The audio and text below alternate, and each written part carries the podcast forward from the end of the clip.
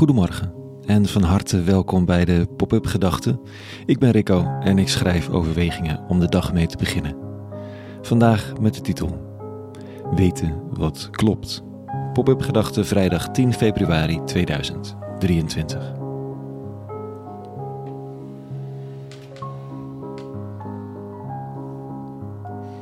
Het is alweer de laatste werkdag van deze week.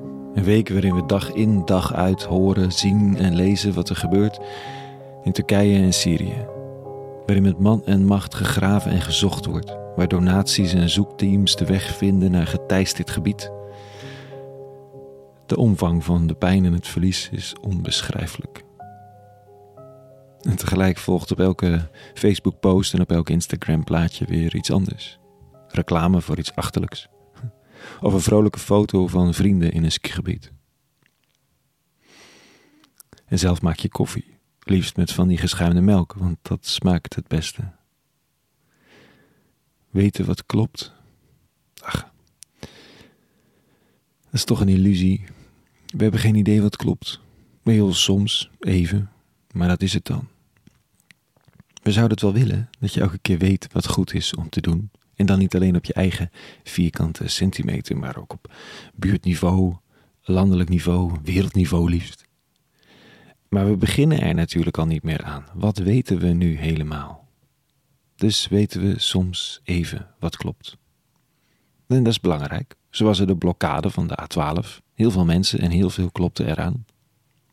Niet dat iedereen het dan met je eens is, maar op persoonlijk, landelijk en wereldniveau klopte er heel veel aan.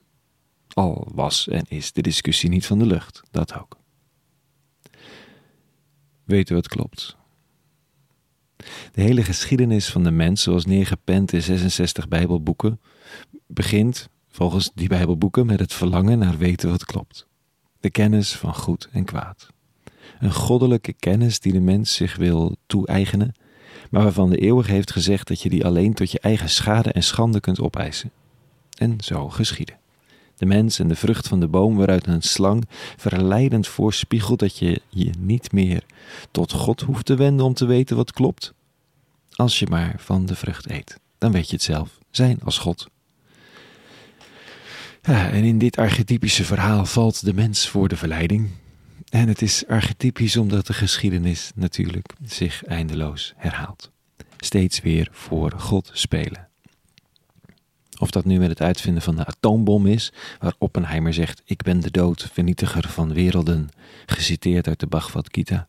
Of dat het gaat om de dagdagelijkse keuze om nou, in het belang van eigen belang, in het kader van eigen belang moet ik zeggen, een ander te mogen schaden.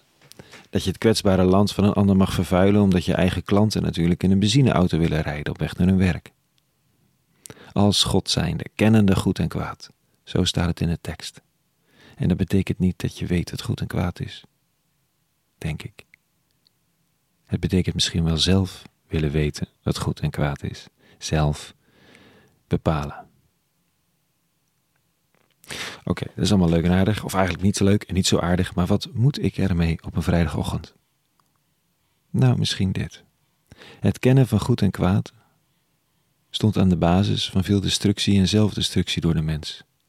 Tegelijk staat het misschien ook wel aan de basis van de heelwording van de mens. Precies dezelfde woorden, het kennen van goed en kwaad in een net andere zin. Zoeken naar heling en verlossing gaat niet gepaard met nog beter bepalen wat nu wel goed en kwaad is. Maar begint misschien gewoon met het erkennen van falen. Met het spijt me, ik had gedacht het zelf te weten. Nu sta ik bij de brokstukken en ik heb geprobeerd ze weg te moffelen of ze nog snel te repareren en het beter te doen, want ik heb er zo'n godsgruwelijke hekel aan om te moeten erkennen dat het niet lukt. Maar hier sta ik dan. En het spijt me. Ook dat is kennen van goed en kwaad. Maar in omgekeerde volgorde het schoorvoetend terughangen van de vrucht van de boom in de tuin van de boom. Dat gaat natuurlijk niet. Dus misschien is het realistischer om de zaden van de vrucht die we stalen terug te planten in goddelijke grond. En met geduld en toewijding te volgen hoe het goede groeit als we het niet meer willen opeisen, maar liefst uiteindelijk willen schuilen in de schaduw van haar gebladerte. Wat is goed? Ja, dat begint en het eindigt misschien ook wel met het erkennen van wat niet goed ging. Dat maakt de weg vrij voor het goede wat kan ontstaan. Een nieuwe gehoorzaamheid. Wat een ingewikkeld woord is voor mij en misschien voor velen. En toch, als de eeuwige mag bepalen wat goed is, heb ik er iets meer rust over dan als bedrijven, politici en ikzelf dat zouden moeten bepalen. Dus zoek ik af en toe de stilte en hoop ik dat het boompje teruggroeit in die tuin, zodat ik mijn hand op de stam kan leggen en kan luisteren.